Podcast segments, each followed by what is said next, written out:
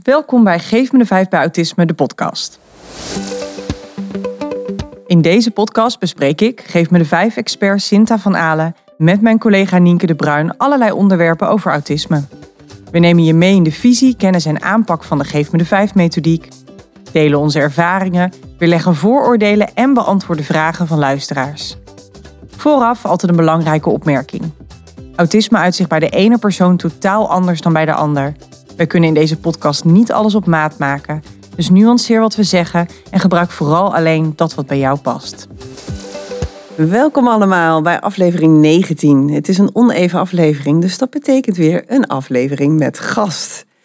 En deze aflevering gaat over het ook niet autistisch zijn.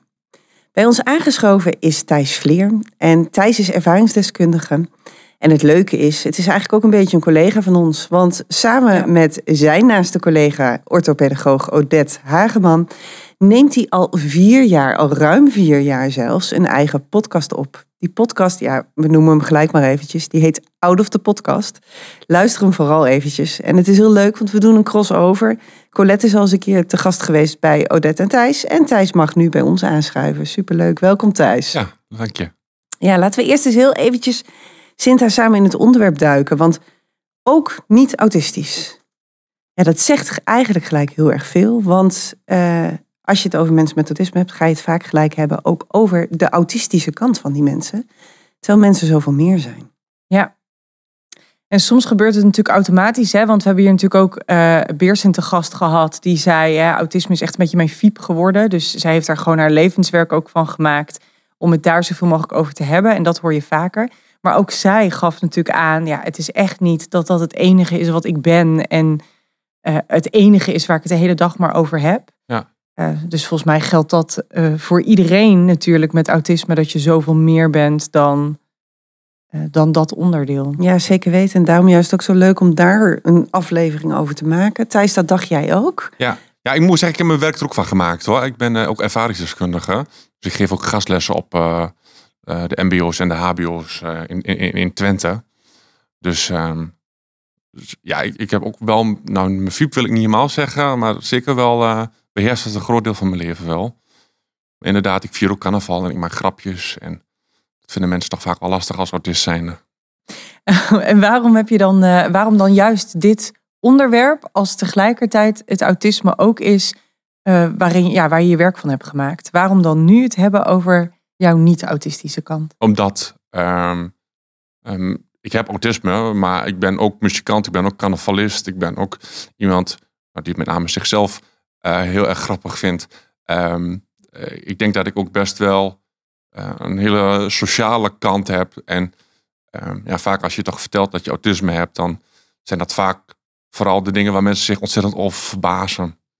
En wat, wat dan niet, niet ja, tussen aanhalingstekens hoort of zo als autist zijn zeg voor de grap soms ook wel eens dat ik best wel een slechte autist ben. ja.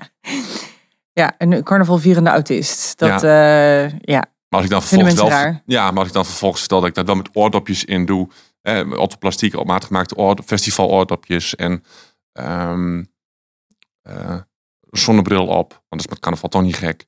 En daarna een week lang vrij heb, dan is het, oh, dat, dus dan ja. klopt het weer in het kadertje van mensen. Ja. Van, oh ja, want autisme. Zijn zij ook wel blij. Ja. ja. Ja, mensen houden ervan hè, als we dingen in hokjes kunnen stoppen. Want dan is het leven weer voorspelbaar. Ja. Ja. Ja, klopt. En dat is ook hoe ons brein werkt natuurlijk. Hoe wij, uh, hoe wij allemaal denken. We proberen alles concreet te maken. Ja. Zullen we eens even terug in de tijd gaan, uh, Thijs? Want um, als we gaan naar uh, Thijs als klein jongetje. Ja. Um, waren er toen ook al, was er toen ook een een autistische kant aan jou en een niet-autistische. En als mensen dit bekijken, dan zien ze dat ik haakjes zet met mijn vingers. Want maar dit is ook dat, typerend natuurlijk. Ja, ja. Nee, ik denk dat uh, inderdaad vroeger uh, veel, veel, dat het veel groter uh, was. Hadden het toevallig onder mijn, mijn moeder is ook mee. en we hadden het onderweg ook even over dat um, we vroeger voor school gymschoenen moesten halen. Um, en dat mama zei, we gaan naar school even kijken naar gymschoenen. En dat ik daar in de winkel uh, nog net niet de pan uitflipte. Uh, omdat we alleen maar gingen kijken en niet gingen kopen. Maar mama wou ook kopen, zeg maar. Dus um, um, dat, dat, ja, dat, dat, dat, dat heb ik gelukkig nu tegenwoordig niet meer. Tegenwoordig is het ook al, we gaan daar naar kijken. Dus waarschijnlijk moet ik ze ook passen en ehm, moeten we ze kopen. Ja, wat een mooi voorbeeld dit. Want hoe Mhm. oud was je ongeveer toen dit gebeurde? Vijf. Ja. Kijk even Ja, snel. dus- mama. Ja, je keek even snel naar Er worden vingers opgestoken Ja, achter heel ons. goed, ja. ja. Ja, Ja. want eigenlijk, jouw moeder neemt jou mee naar de winkel toen je vijf was. En die zei, wij gaan kijken naar schoenen. Ja, En jij wist niet bij de zin kijken naar schoenen hoort er eigenlijk dat we dan ook gaan passen. En dat we dan ook, als er eentje past en goedgekeurd is, gaan kopen. Ja. Dus op dat moment, het, het blijkt dat je moeder dat wel wil doen. Ja. Dan raak je in paniek, want het klopt niet meer met de woorden die gezegd zijn. Ja. Met het beeld wat je daarbij had. klopt. Ja, ja, en is dat nog steeds? Als je dit stukje naar nu meeneemt, moet taal kloppen voor jou? Ehm, eh, dus ja, afhankelijk van hoe, eh, eh, hoe ik in mijn vel zit. Ehm, want als ik, eh, ja, we zeggen in Twente al goed pas. Als ik ontzettend goed in mijn vel zit, ehm, dan, dan gaat het makkelijker. Dan kan ik daar beter over nadenken. Maar als ik dingen spannend vind, als ik wat vermoeid ben of geïrriteerd of nou ja, minder goed in mijn vel zit, ehm, dan is dat vaak wat harder werken en dan zijn er iets meer oh ja momentjes. Als in, oh ja, dit is wat ze eigenlijk bedoelden, Ja. maar niet zeiden. Ja, Ja. dat ik achteraf, vaak is het dan inderdaad, en dat is nou, met het voorbeeld wat ik net gaf van de, van de sportschoenen kopen, is dat al wel automatisch.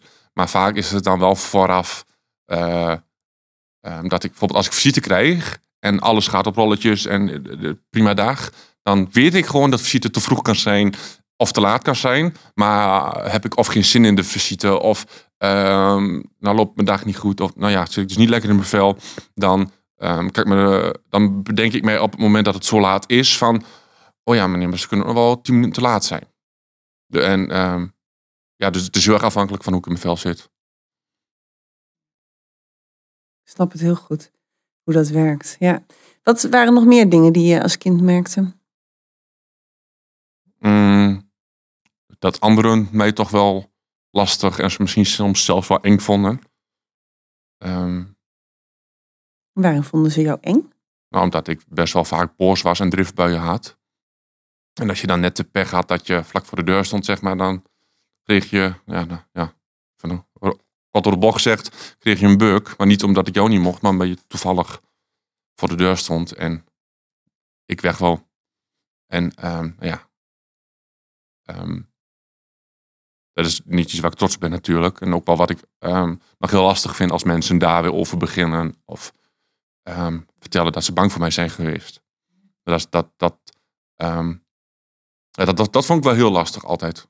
Gelukkig heb ik dat ook wel uiteindelijk op kunnen lossen. Doordat ik een, eh, eh, een spreekbeurt voor mijn oude klas heb gedaan toen ze in groep 7 zaten. Over mezelf eigenlijk. Ehm, nou, en dat dat heel veel... eh, ehm, eh, hoe zeg je dat? Bij hun heel veel eh, begrip heeft gegeven uiteindelijk. Dat het niet persoonlijk was dat je een klap kreeg, maar ja, verkeerde moment, verkeerde tijd. En dat is geen smoes. Het hoort gewoon niet. Maar ja, dat, dat was toen zo.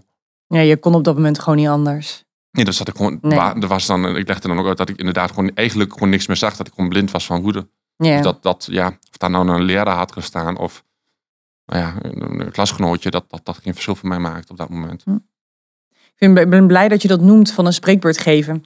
Eh, ik heb zelf voor de klas gestaan als leerkracht en ik trof wel vaker ehm, collega's of ouders die dat dan liever niet hadden. Want dan waren ze juist heel bang dat als hun kind of leerling open daarover zou vertellen, dat dat dan juist ervoor zou zorgen dat ze buiten de groep zouden vallen. Ja. Terwijl ik de ervaring heb dat het precies dit doet. Ja. Dat dan de rest van de klas, dat kinderen zijn hartstikke slim. Die denken, oh, daarom doet hij dat. En als Ja. je maar begrijpt waar iemands gedrag vandaan komt, dan kun je ook op dat moment denken: Oh, ik zie nu, Thijs is heel boos. Weet je wat ik doe? Ik zet even een stapje opzij. Geef hem even de ruimte. Ja. En dan hè, zit ik niet eh, in, in de lijn eh, eh, Nou ja, die, die op dat moment in de, in de weg staat. Maar En dan is het dus- voor iedereen beter te doen. Ja, dit was wel Ja. pas in groep 7, terwijl ik in groep 3 ehm, al naar het speciaal onderwijs ben gegaan. Maar omdat Ja. mijn zus daar nog op die school zat en ik wel eens meer ging met mijn zus ophalen. ehm nou ja, toch wel ervaren dat ze vaak nog met een grote boog om me heen liepen of geen hallo zeiden. Of, Ja. Maar toen dat ik dacht van ja, misschien moet ik dat gewoon een keertje uit gaan leggen. Ja. En dat, eh, heb ik tot op de dag van vandaag nog plezier van. Als ik ze dan tegenkom bij ons in het dorp of eh, dat we gewoon even normaal kunnen praten. En dat ze dan hoort dat ik niet meer op, op de instelling woon waar ik woonde. Dat ik nou gewoon in het dorp zelf woon. En dat we daar met elkaar over kunnen hebben. In plaats van dat ze het nog steeds eng of spannend vinden. En, Wat mooi. Ik ben wel onder de indruk van wat je vertelt. Want je hebt best wel een lange weg afgelegd als ik het zo hoor. Je bent als jong kind, eh, nou ja, hoor ik je zeggen, je kon die emoties niet reguleren. Er waren dingen onduidelijk, denk ik. En daardoor kon het exploderen, kon je boos worden, driften, buien krijgen, noem je het zelf. Ja. Maar je bent daarin wel enorm gegroeid. Ja. Je hebt daar heel veel mooie stappen in gezet en hebt mensen daar ook in meegenomen. En het teruggaan naar zo'n groep, om daar je verhaal te doen, vind ik wel echt heel knap. Nee, daar heb je lef voor nodig. Heel veel lef. Ja, terwijl dat toen niet zo voelde. Was, ik vond dat ja, misschien wel een beetje spannend. Maar ik, ik zal je vertellen hoe het ging. Ik heb 's ochtends gevraagd of dat goed was. En na de lunch heb ik het gedaan. Oh ja, top. Is dit iets wat je vaker doet? Zo resoluut, hup, en nu ga ik het doen?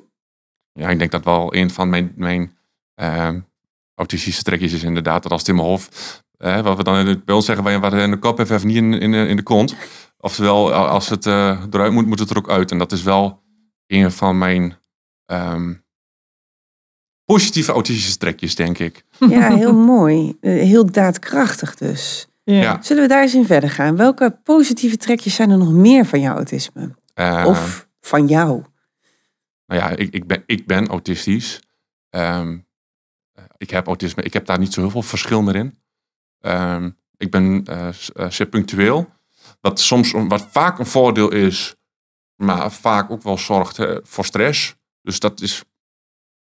Want ja, je wil graag op tijd zijn, dus je krijgt stress als er vertraging is. Of... ja, maar ook gewoon, ik. ehm, eh, eh, in, in mijn werk zorgt dat ook wel voor dat ik soms te lang bezig ben met dingen waardoor ik in tijdsnood kom, zeg maar. Ehm, eh, ben ik best creatief. Ehm,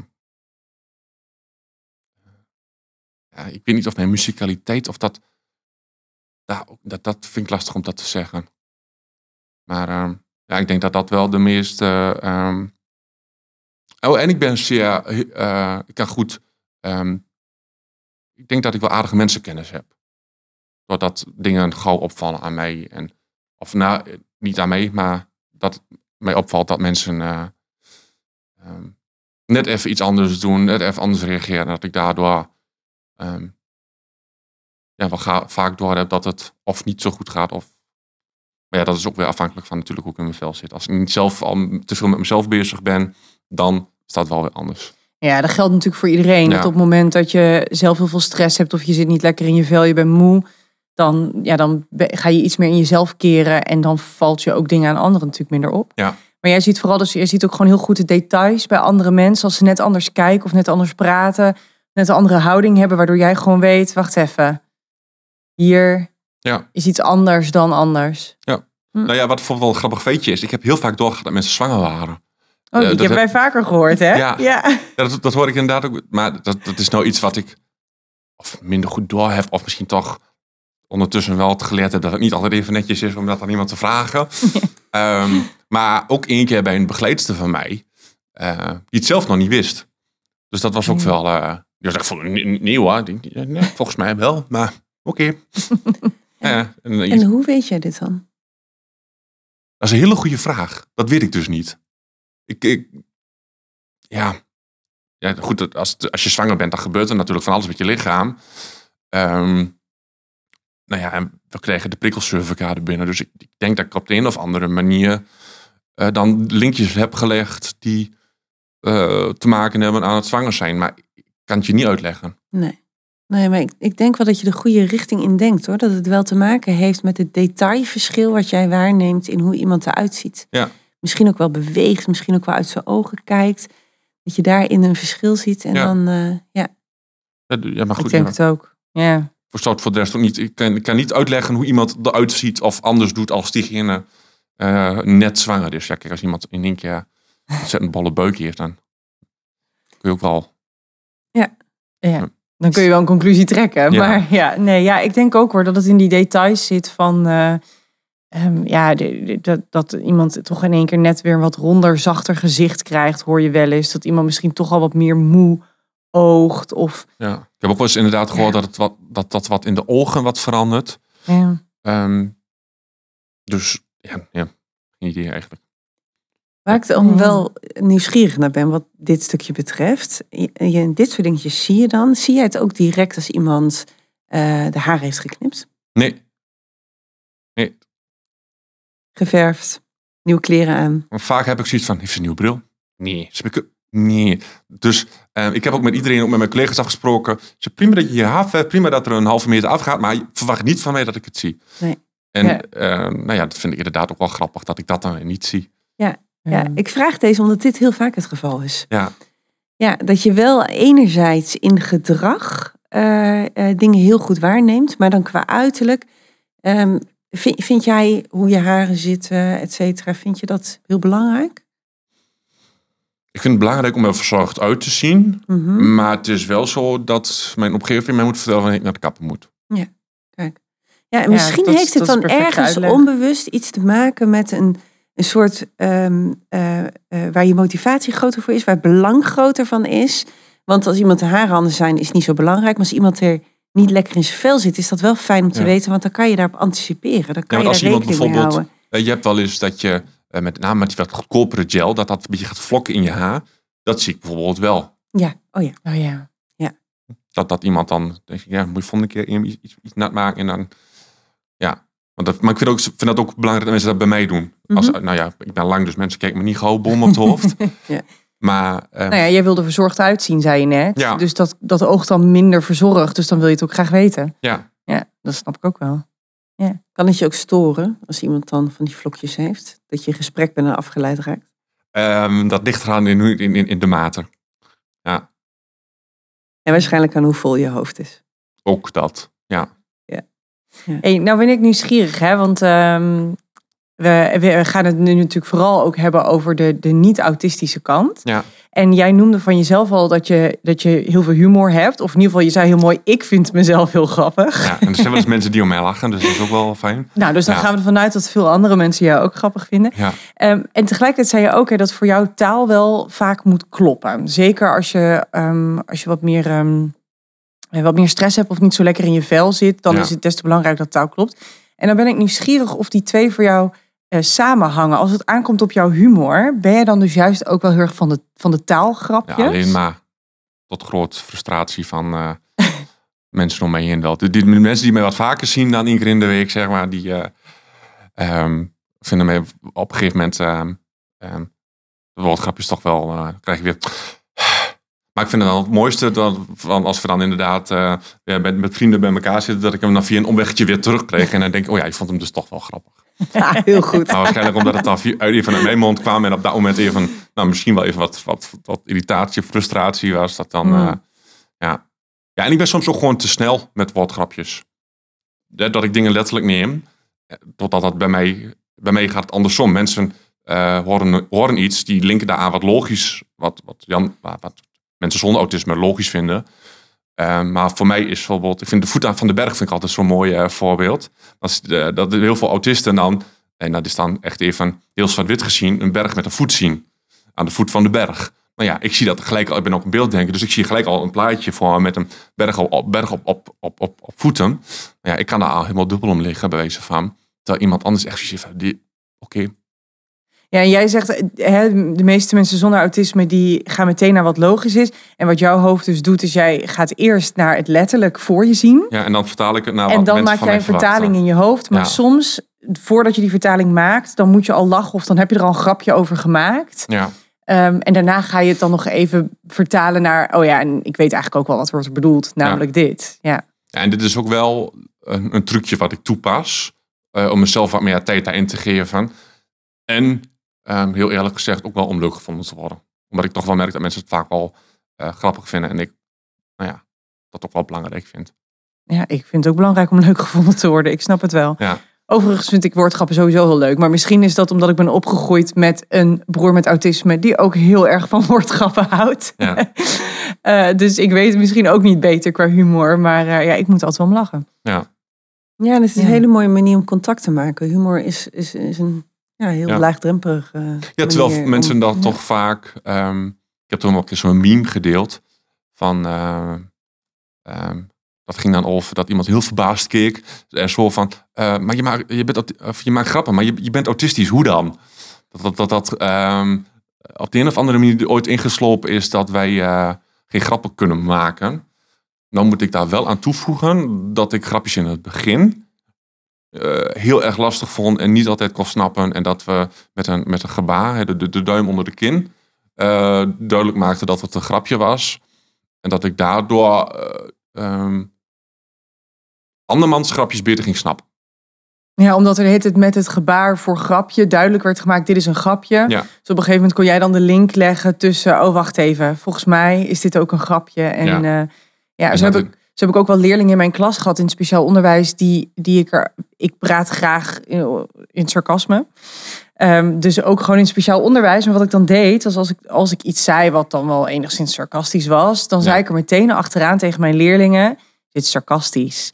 En door dat de hele te herhalen, gingen leerlingen op een gegeven moment al aan mij vragen: Juf, is Ja. dit sarcastisch? Ja. Soms was het niet zo. En dan zei ik: Nee, dit was echt heel serieus. En Ja, soms je- dan. eh, Ehm, op een gegeven moment ga je ook de tone of voice, eh, ga je, eh, de, de- hoe dan iemands stem klinkt als hij een grapje maakt. Er zit altijd wel een, een, een, een verschil in. Of nou ja, als je sarcastisch bent, dan, wordt het, dan ga je altijd wat monotoom praten of zo. En dan, ehm, nou ja, dus op een gegeven moment ging ik inderdaad, sarcasme vind ik ondertussen ook een hele leuke vorm van humor. Juist omdat mensen, die met name een beetje blind zijn door de vooroordelen, dan in één keer denken, die kregen dan zelf in één keer een autocrash, zeg maar.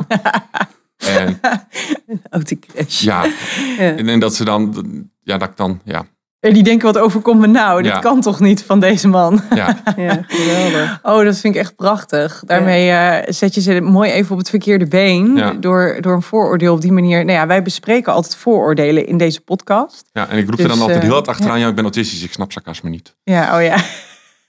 Heel sarcastisch. Ja, Ja, mooi. Ja. Ja, vind ik heel mooi. En weet je, natuurlijk zijn er ook nog steeds genoeg mensen met autisme voor wie inderdaad het een, iets heel moeilijks blijft op dagelijkse basis. En Ja. die daar niet op die manier hun weg in vinden. En dat is natuurlijk ook oké. Je noemt zelf al heel mooi af en toe, oh ja, dit is heel zwart-wit. Nou ja, daarom maken wij die aflevering of die opmerkingen aan het begin van iedere aflevering. Want het Ja. zal lang niet voor iedereen zijn. Maar het is inderdaad wel goed dat mensen ook mogen weten dat het, eh, ja, dat het ook wel echt een vooroordeel is dat je automatisch geen humor zou hebben of sarcasme nooit zou kunnen begrijpen. ja. En natuurlijk heeft iedereen een eigen vorm van humor. Hè. Het is ook, Ja. eh, humor heb je in hele, eh, veel soorten en maten. De ene vindt hele donkere humor hartstikke leuk. En de andere houdt juist van André van Duin-achtige humor. Die laatste categorie val ik wat meer, zeg maar. Hmm. Ehm, en ik denk dat dat ook gewoon belangrijk is. Dat, dat je een grap niet snapt. Houdt niet per se in dat je hem niet snapt omdat dat niet past in je hoofd. Maar dat het gewoon niet jouw humor is. Ik denk dat dat ook wel eh, een belangrijke is. Ja, mooie toevoeging. Want dat kan ook gebeuren. Ja. Dat hij eventjes later valt en dat je ook denkt, hm, deze want vond ik- ik eigenlijk niet zo leuk. Ja, Ja. ja. en ik ben van het weekend bijvoorbeeld met mijn vriendin eh, naar Fabian Franciscus geweest. Een cabaretier met autisme. Eh, die ook heel veel grappen maakt over zijn eigen autisme. Ehm, en mijn vriendin was dus heel erg bang. Die is namelijk, die heeft een ander soort humor dan ik. Ehm, dat ze de grappen niet meer zou krijgen. Toen dacht ik, nou, komt wel goed. En uiteindelijk kwam het ook wel goed. Maar nou ja, ik vond dat ook wel een mooi, eh, mooi voorbeeld. En sowieso een keer leuk om te kijken, want hij gaat er best wel eh, grappig mee om. Ja. Met zijn eigen autisme. Leuke tip. Ja. Ja, ik vind het vooral mooi aan alles wat je vertelt net over de driftbuien, nu weer over de humor. Hoe jij door de jaren heen steeds meer, ja eigenlijk referentiekaders noemen wij dat, hè, hebt gekregen. Ja. Dus steeds meer hebt leren plaatsen. Oké, door dat gebaar van dit is een grapje, kreeg je steeds te horen, oké, deze zin die gezegd wordt door deze persoon op deze toon, op deze manier, dat is dus een grapje. En Ja. kon je in je hoofd gaan zoeken, oké, wat maakt dan dat iets een grapje is en hoe kan ik ze herkennen? Ja. Gebeurt het je nu nog dat je ze soms niet herkent of eigenlijk overal wel? Ehm, vaak bij nieuwe mensen. Ehm, en dan in, inderdaad in de combinatie met wel of niet goed eh, in mijn vel zitten. Ja. Ik eh, kan soms best wel aanstaan. En dan, heb ik het, dan ben ik veel, veel alerter en veel actiever met eh, eh, eh, ehm, eh, daarnaar kijken en opletten of iemand inderdaad een grapje maakt. Of probeer dan zelf ook altijd te kijken of ik een grapje kan maken en hoe ver ik daar dan mee kan gaan. Ehm, want dan, ja, dat is ook vorm wel van mij, van het uitproberen van mensen. Kijk, als ik een hele grove grap kan maken. Want ik, ik maak soms zelfs grapjes die ik zelf eigenlijk net ver vind gaan. Maar dan puur eigenlijk ook gewoon om te kijken van, oké, vind je dit grappig? Nee, top. Ik ook niet. En toen, ja, Oh, dat is echt een. Ja, dit is natuurlijk een hele mooie manier inderdaad van kijken wat voor vlees je in de kuip hebt. ja. Eh, oftewel gewoon eens even zien hoe iemand in elkaar steekt en of je wel of niet matcht op bepaalde gronden. Maar wat nou als iemand heel hard lacht omdat hij ook heel graag wil dat jij diegene aardig vindt. En dan denk jij daardoor, oh jij vindt dit wel grappig, terwijl je het eigenlijk allebei niet grappig vindt. Ja, ik denk dat, het, dat iemand dan toch of later lacht of ehm, anders lacht. Of, ik, ik denk dat ik dat wel aardig eh door heb. Mm, En anders kom je er later wel achter wanneer je zo'n grap nog een keer maakt en er dan minder hard om gelachen wordt. mm. Ja, dus ik denk, ja, Komt de mensenkennis weer om de hoek kijken. Dat je echt, dat je wel gewoon kunt zien aan iemand, nou, volgens mij. Ja of dat ik, als ik dat dan niet weet, van, eh, ik ja, eigenlijk kan ik niet, hè. Dat ik dat er dan Ja. achteraan gooi. Ja. En ik vloep ze er ook wel eens uit. Dat is ook wel gewoon zo. Het is niet altijd eh, helemaal voorbedacht. Het is soms ook gewoon dat ik inderdaad linkjes leg in mijn hoofd. Mm, eh, die, nou ja, niet netjes zijn.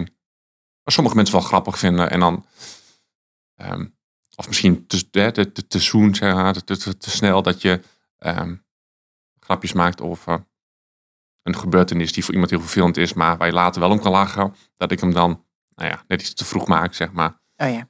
Dus ja, Maar je blijft zo te horen reflecteren. Je blijft kijken, gaat deze goed? Komt hij goed over? Moet ik bijstellen? Moet ik nog iets anders doen? Of kon ik hem maken? Eh, ja, maar als ik op een gegeven moment weet, eh, als ik bijvoorbeeld bij mijn vrienden ben, dan weet ik dat ik, en die kennen mij natuurlijk en die, die, die ken hun, dus ik weet dat ik daar best wel eh, ehm, eh, ver bij kan gaan en dat het daar ook blijft. Hè? Dat- dat- dat- maar als ik bijvoorbeeld op, mijn- werk ben, ehm, waar ook ehm meerdere autisten zijn, om maar even zo te zeggen, dan weet ik gewoon dat ik moet oppassen met mijn grapjes. Maar ik heb ze, hè, dat zijn dan wel collega's die dan ook bij zo'n eh, als je dan bijvoorbeeld zo'n intake hebt, dat ze dan bij ons komen om te kijken wat voor hun is. Dan vertellen dat ze moeite hebben met grapjes. Zeg, oh, nou, dan hebben wij een uitdaging. Ik zeg, want geen grapjes maken, dat gaat voor mij niet lukken. Ik zeg, maar ga ik je wel laten. Ik ga wel bij je checken of je hem door hebt. En als je hem niet door hebt, of als jij twijfelt, kom je gewoon bij mij. En dan, eh, nou, dan moeten we het erover hebben. En hoe, wat, wat, wat dan niet fijn aan was. En hoe ik dan ervoor kan zorgen dat, dat, ehm, dat je hem de volgende keer wel door hebt. En dat kan inderdaad door een knipoog of het benoemen. Ja. Of, Wauw, prachtig Thijs Ja. deze. Dit is echt wel een gouden tip die je hier geeft. Ja. Als je dan niet op één lijn zit, als je elkaar niet kan inschatten, als je de afstemming niet hebt, praat daar dan over. Ga even samen. Ja, wij zeggen dan ga even in die helikopter en heb even over het gesprek samen. Ja. En maak gewoon afspraken. Hoe gaan we met elkaar om? Hoe checken we dit bij elkaar? Hoe Ja. doen wij dit? Maar ik, Ja. ik, ik vind ook, dit is eh, bij ons, eh, bij, bij de sterkplaats eh, eh, waar, we- waar ik werk van de LFB. ehm die moest ik even noemen van mijn collega's. Dus dat ik het nog gelijk Heel goed, je hebt hem genoemd. Mooi. Dat was heel subtiel ook. Ja, ja, ja. Ehm, ehm, hebben wij, dit, is dit, gewoon, dus dit is hoe wij werken. Dit is gewoon standaard. En ik roep heel vaak dat als meerdere bedrijven zullen werken zoals ik, of zoals wij zeg maar, Mm. ehm, door een dagstad te hebben, daar even te vertellen van, hey, hoe is je dag? Eh, hoe zit je erbij? Oké, niet zo goed, waarom? Oh, je bent te laat, vertel. Nou, ik had laatst een collega, die was een uur te laat en die was nieuw. Dus we hadden al zoiets nou, pff, nou ja, die heeft dus s'nachts een epileptische aanval gehad. Maar die heeft ons niet verteld dat, dat die geen epilepsie had. Ehm, nou ja, en dat, dan is het in één keer heel logisch dat je wat later komt, want dat kost bakken met energie. Ehm, dus er was frustratie, nou, dat doe je zo'n dag staat, dan komt dat even te sprake. En dan is iedereen, oh ja, oh ja, of vervelend. Heb je dat vaker? En dan, nou, dan heb je het daar met elkaar over. En ehm, nou ja, ik, ik denk dat, dat die manier van werken eh, nou, sowieso heel audioproof is. Want je hoeft niks in te vullen. Ehm, en als je wel invult, kun je naar vragen. En nou ja, dat vind ik heel fijn. En dat is, ja. vol met Ja. aandacht voor elkaar. Ja. Je ziet elkaar, je hebt het respect voor elkaar, je, je, ja, je Ja. wordt gezien. Ja, de humor mag er zijn. En, en als jij juist niet van de humor bent, dan mag dat er ook zijn. Maar dan ontmoet je elkaar op, hey, hoe kunnen we hier samen een goede communicatie van maken. In plaats van, nee, dit is hoe we het hier doen, dus je schikt je of dan maar niet. Ja. En dat laatste is natuurlijk ja, als je het mensen op de man af zal vragen, zal niemand zeggen dat het bij hun zo gaat. Maar zo gaat het op heel veel plekken wel. Er zijn normen en waarden gezet. En ofwel je voegt je daarnaar, ofwel je gaat ergens anders werken. Ja. Terwijl dat is heel zonde. Want iemand zou misschien ergens heel goed passen, heel erg zijn talenten kwijt kunnen. Maar ja, omdat hij dan een, een, ja, minder van een grapje houdt of grapjes niet altijd begrijpt, Ja. zou het dan ja, misgaan. Dat is natuurlijk ontzettend zonde. Dus, het is- ik ben het helemaal met je eens. Het is echt een, een prachtvoorbeeld en een gouden tip van ja, hoe je mensen op de werkvloer mee kan nemen in eh, nou ja, samenwerken eigenlijk. Ook communiceren Ja. is, is niet zo lastig, vind ik. Nou heb je al een paar keer genoemd, Thijs, dat jij muzikant bent. Ja, En je zei al, die muzikaliteit, ehm, volgens mij komt die niet vanuit mijn autisme. Dat Nee, is gewoon iets niet. wat echt bij mij hoort. ja. Vertel eens, ehm, wat doe je? ik eh, ben eh, slagwerker. En dat houdt in dat overal waar eigenlijk geen melodie in zit en waar je wel op kunt slaan, dat ik dat kan spelen. Ehm, en dat eh, doe ik al vanaf mijn zevende. Ik ben nu 29. ehm, bij een eh, muziekvereniging. eh, waar mijn vader al vanaf zijn zevende lid van was. Ja. Ehm, dus waar ik ook al 29 jaar kom.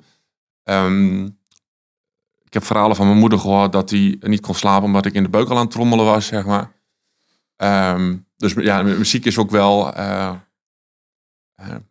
net zo groot onderdeel van mijn leven als eh, mijn autisme en misschien al, soms nog wel groter. Ehm, ik, de, de, de radio gaat bij mij ook eerder aan eh, dan de lamp. Omdat eh, dat echt voor mij wel... eh, ik heb zo'n zo'n zo'n ehm, internetradio speaker geval, zeg maar, naast mijn bed staan.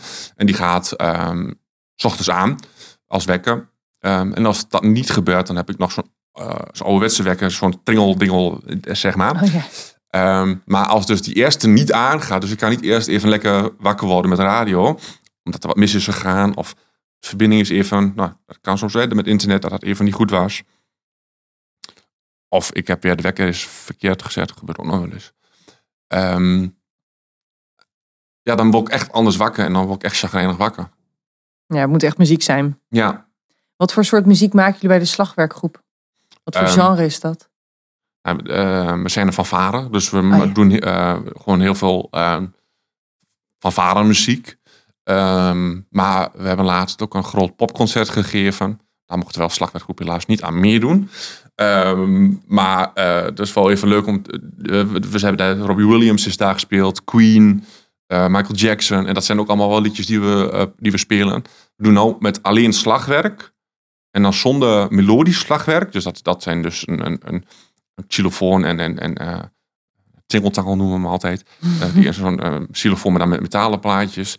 Dus zonder dat, dus echt alleen maar met het ritmisch slagwerk en het drumstel, spelen we nou een Queen medley. En als je goed luistert, kun je dan ook echt wel alle liedjes van Queen ook wel weer eruit halen. En dat is niet alleen maar We Will Rock You, zeg maar. dat is blijkbaar een vooroordeel. Nou, We Will Rock You, dat is denk ik wel... eh, de, de, de We Will Rock You, dat zou doen, doen, tak. Nou ja, dat, is- hoor je wel. Ja, ja. ja. Ja, ja, zeker. Nee, maar Bohemian Ja, Rhapsody zit er bijvoorbeeld ook in. Heel tof. Ja, en ehm, we gaan de, de, de Play It Alive, de bongo song doen. Ehm, nou ja, dat is natuurlijk wel echt gewoon echt een slagwerk dingetje. Ja. Dus we, ja, we doen eigenlijk wel eh, eh, van alles. Waar ik dan wel Heel nieuwsgierig naar ben. Als ik dan toch eens ga kijken, hè, wat voor vooroordelen zou die hierover kunnen zijn? Een muzikaal zijn, muzikant zijn en eh, autisme hebben. Dan denk ik, dan zou het bijvoorbeeld kunnen dat je heel erg overprikkeld raakt door die mega harde geluiden. Ehm, het zou ook kunnen zijn dat eh, het samenwerken eh, met de andere muzikanten, dat daar iets lastig in gaat zijn. Ehm, nou, ik weet niet, deze twee kan ik zo eventjes bedenken. Nou, het voordeel is dat ik vaak de hardste klappen geef. En ik speel met name backhands. Ja. Dat zijn die timpanadeksels die je tegen elkaar aan moet slaan, zeg maar. Ehm, daar komt het schelste en het hardste geluid van. En dat doe ik zelf. Dus, dus dat scheelt Ja. heel erg. Want doordat je het zelf doet, weet ik wanneer het komt. En ehm, als ik er even niet zo zin heb dat het zo hard gaat, dan doe ik dat gewoon niet zo hard. kijk, Eh, vaak moet het dan wel. Krijg ik dan wel terug. Zeg, ja, doe ik het volgende keer. Is goed. Ehm dan over het samenwerken. ja, die is lastig. Eh, want we, we zijn een vereniging. Dus daar hoort het verenigingsleven bij. Eh, dat vind ik heel fijn. Daar heb ik ook al mijn vrienden eh, zitten daarbij. Mijn vader zit erbij. Ehm, mijn zus zit erbij. Ehm, eh, mijn moeder is volgens mij ook nog lid. Ehm, ik wil er van alles over zeggen, maar dan, dan kom ik niet meer thuis, denk ik. Oké. ja. Muzika- laat ik het zo, mijn heb ik van mijn vader. Heel eerlijk dit. wel, mam. En de, eh, nou ja, een mooi voorbeeld is, we hebben al een kerstmarkt. En die is best groot. Die is in het midden van ons dorp. En ehm, daar heb ik wel mijn taakjes. Maar mensen gaan wel voor mij... Ik heb ooit aange... Ik kan namelijk niet rekenen. Dus je moet me niet achter een kraampje zetten. Want ik kan geen geld teruggeven. Dan wordt een heel eh, dure dag dan. Ja, of heel goedkoop. Of heel veel winst, zeg maar. Dus dit kan twee kanten op gaan. Ja. Maar waarschijnlijk dat dat goed gaat op de lange termijn. De kans is vrij klein. Ehm, dat, dat gaat al mis bijvoorbeeld met... ehm, in Nederland hebben we een hele rare telling. Hè, dat doen we, eh, wij doen 91. Terwijl in Engeland doen ze Ja. 91. Dat doen ze het wel goed om. Dus je moet altijd... Ik moet altijd eerst verkeerd omdoen. En dan weer goed om. En dan pas kan ik het goed invoeren. Ehm, dus dat, dat is gewoon... Dat kan niet. Kunnen we wel allemaal gaan willen. Maar daar word ik niet heel erg blij van. Ehm, dus ik heb altijd wat- praktischere taakjes. Ehm, maar ik wil eigenlijk aan de voorkant ook heel graag helpen. Want organisatorisch ben ik eh, best wel goed. Als ik dat zo over mezelf mag zeggen. Ehm, qua, qua, eh, ik heb daar best wel wat ervaring in ondertussen. Maar dat wordt niet gezien door mijn eh medemuzikanten. En ik weet wel hoe dat komt. Hè. Ik ben de laatste vijf, zes jaar ontzettend gegroeid qua de dingen die ik doe en wat ik kan. En die mensen zien me maar één keer in de week. Dus ik, ik snap het wel, maar dat frustreert wel. Mhm. Ja, dat is heel frustrerend. Ja. En ehm, Zou je het kunnen zeggen tegen ze? nou, nou, altijd denk ik. Ehm, ik denk alleen dat het nadeel is, denk ik, dit draait alleen maar op vrijwilligers. Die heel graag het praktisch willen houden. ehm, het snel willen doen. Praktisch gaat bij mij goed. Snel, dat duurt altijd even. Dus ehm, nou ja, daar voel ik wel heel erg eh, de, de eh, de, ja, de prestatiedrang. Dus heel erg goed laten zien dat, dat ik dingen kan. Ehm, dus dat maakt het lastig. Andere kant is ook, doordat mijn vader al eh, vanaf zijn zevende lid is, ik daar dus al 29 jaar kom, heel veel mensen mij ook al 29 jaar kennen. Dus ehm, ik me niet altijd eh, beter hoef voor te doen eh, dan dat ik ben. Als ik dan een keer mijn dag niet heb en een keer zeg van jongens, kunnen deze, dit nog wel drie keer gaan oefenen. Maar geloof mij, daar word ik vandaag even niet beter van. Volgende week ben ik er weer. En dan is dat goed. En dat hoef ik eigenlijk al niet eens meer eh, ehm, altijd echt specifiek uit te leggen. Heeft voor- en nadelen. Want ik zei natuurlijk in het begin al even van ons gesprek dat het voor mensen, voor iedereen heel prettig is als je mensen in een hokje kunt eh, stoppen. Omdat, omdat je dan, ja, dan heb je een voorspelbaarheid. Ja. En dan weet je gewoon hoe iemand gaat reageren. Maar dat heeft soms als nadeel dat als mensen je al 29 jaar kennen, dat ze je ergens in die 29 jaar hebben ze je in een bepaald hokje gestopt van dit is wie Thijs is en hoe die reageert. Ja. En als jij dan de afgelopen vijf, zes jaar heel veel hebt bijgeleerd en je ziet mensen maar één keer in de week, dan, dan realiseren zij zich dat misschien helemaal niet. Omdat ja, jij zit nog in een bepaald hokje van iemand die dat organiseren niet zou kunnen. Ja. En dan ja, zul je ze inderdaad, zoals Nienke zegt, er bijna even op moeten wijzen. Ja, misschien zes, zeven jaar geleden dat je het me niet had moeten vragen. Maar nu kun je me nu best vragen. Ja. Ehm, want, nou ja, Ja, en ik, allemaal dingen weet die ik je, nu wel kan. Ik neem het, het is ook niet dat ik ze dat kwalijk neem hoor. nee. Ehm, want de, de kleine Thijs en grote Thijs, dat, is, dat zijn in sommige gevallen echt wel twee verschillende personen, zou ik haast willen zeggen. Van één iemand zonder, zonder empathie en met name heel erg met zichzelf bezig. Ehm, wat ook heel logisch was, want dat moest ook op dat moment ook. Ik heb heel hard aan mezelf eh, moeten werken. Omdat ik de- graag dingen wou en niet lukte. Dus nou ja, dan moet je daarmee aan het werk. Ja. Ehm, en dat is ook allemaal gelukt en allemaal goed gegaan. En als je me nou, als je me, ja, zes jaar geleden had verteld dat ik een, heb mijn rijbewijs denk ik al zes jaar, ach Jim. Ehm, en me tien jaar geleden had verteld dat ik eh, niet meer eh, op de Losserhof zou wonen en niet meer, ja, dat is die instelling eh, waar, waar, waar ik woonde. Instelling klinkt altijd zo, maar het is wel lekker duidelijk. Ehm, en een rijbewijs zou hebben en al drie jaar een relatie zou hebben. En nou ja, goed. ehm, inderdaad een, een podcast zou maken en dat die al, dat al vier jaar best wel goed doet. ehm, had ik je denk ik heel hard uitgelachen. Dat had ik nooit bedacht. Ik heb laatst nog een stuk teruggelezen. Of van een, ik weet niet meer wat dat was. Oh ja, een, een, het artikel dat, dat ze van de Tubantia, van de krant eh, van Beels uit Twente, eh, voor, voor de lancering kwam van mijn podcast. En eh, dat ik daar heel stellig vertelde dat ik van mijn langzaamste leven daar niet meer wegging. Maar ja, dan moest ik wel even om gniffelen natuurlijk. Ja, Oh, dat vind ik echt een heel mooie eh, afronding eigenlijk van, eh, van jouw verhaal. Dat je dus even terugblikt op, als je dit tien jaar geleden had gehoord, dan had je jezelf eigenlijk heel hard uitgelachen. ja, En ja, moet je dus nagaan wat er dan wat er allemaal mogelijk is in die tien jaar. Je mag dus heel trots zijn op het proces Ja. wat je hebt Ja. doorgemaakt en hoe hard je hebt gewerkt. ja en hoeveel nou, je ja. hebt geleerd. ik mag dat, mag dat nooit te vaak noemen, maar doe ik toch. Want ik vind dat echt zo. Komt ook gewoon door, door mijn vader, mijn moeder en mijn zus. Dat die gewoon altijd. Nou ja, vandaag is mama ook weer mee, heeft ze ook vrij moeten nemen. En dat is hartstikke gezellig. Maar waarschijnlijk als ik niet autistisch was geweest, als ik geen. eh, nou ja, als ik dat allemaal niet had, dan had ik niet uh, hoeven. Had ik hier ook niet gezeten waarschijnlijk. Maar dat is een ander verhaal. Ehm, eh, en ze doen het allemaal wel. En ze doen het volgens mij ook met heel veel liefde. En dat, dat, dat, ehm, dat maakt een heel groot verschil. En dat heb ik ook mogen zien op Losserhof. Dat ouders niet kwamen omdat hun zoon op Losserhof woont. En daar gaan we echt niet naartoe. Dat ze dat, dat, dat, dat gewoon tegen hun eigen kind vertelden. En dat ik daar wel heel erg heb geleerd. eh, Dat ik best wel op elkaar mag mopperen. Maar dat ik ook wel heel erg veel geluk heb uit het nest waar ik vandaan kom. Ja, mooi.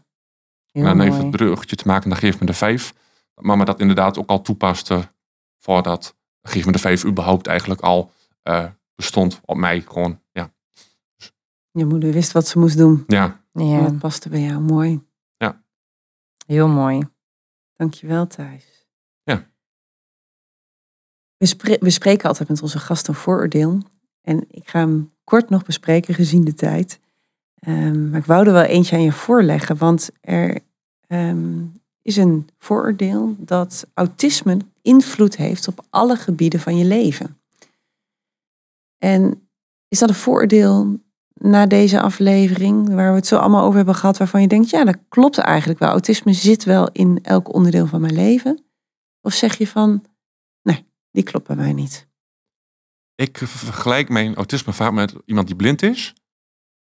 Als je blind bent, moet je ook altijd rekening houden dat, eh, eh, dat, je- dat je het goed voorbereidt. Dat je weet eh, waar de voordeur is. Dat je ehm, van tevoren even meldt van, hey, ik ben blind, kun je me opkomen halen. Ehm, dus ik, denk dat, dat dat wel klopt. Ik denk dat ik altijd bezig moet zijn met dat ik overprikkeld raak. Dat ik... ehm, ik ben hier al een keer geweest toen ik Colette ging interviewen voor mijn eigen podcast. Dus ik wist al waar ik ongeveer terecht zou komen. Ehm, nou, ik heb jullie al gezien in, eh, op, op Instagram. Dus ik, jullie gezichten ken ik al. Ehm, dus dat, dat, dat scheelt. Nou ja, ik moest mijn... Ik heb een, fidget eh, cube mee. Eh, dat zijn allemaal dingen waar ik aan moet denken van tevoren.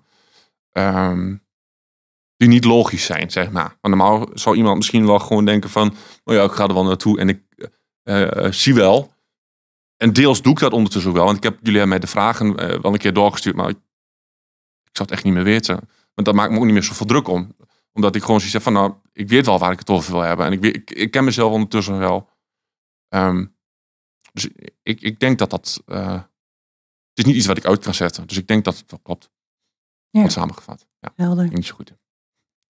Nou, heel duidelijk, dankjewel Thijs. Goed, de volgende aflevering, eh, aflevering 20 alweer, die zal gaan over wat wij noemen NIT. En dat is de afkorting voor niet ingevulde tijd. Ja, maar die tijd gaan we in die aflevering wel invullen. Zeker, we gaan kijken hoe dat kan en we gaan het hebben over waarom het überhaupt eh, zo fijn is als die ingevuld is. Jullie gaan niet Ja. drie kwartier stil zijn, zeg maar. Dat was niet het plan. Nee. Nee, ja, dan kunnen we mensen wel dat gevoel meegeven van niet ingevulde tijd. Ja. Maar ik denk dat dat het doel van de podcast een beetje voorbij schiet. Dat denk ik ook. Bedankt voor het luisteren naar Geef me de Vijf bij Autisme, de podcast. Als je je abonneert, dan word je op de hoogte gebracht zodra er een nieuwe podcast online komt. Vergeet zeker niet om een reactie op deze aflevering achter te laten. En dat kan daar waar je deze aflevering hebt beluisterd of op onze social media. Als je meer wil leren over Geef me de 5, kijk dan op onze website www.geefmede5.nl voor onze boeken en voor het scholingsaanbod. Heb je nou vragen of opmerkingen over deze aflevering? Die kan je sturen naar podcast.geefmede5.nl. En dat is Geef me de 5 met het cijfer 5.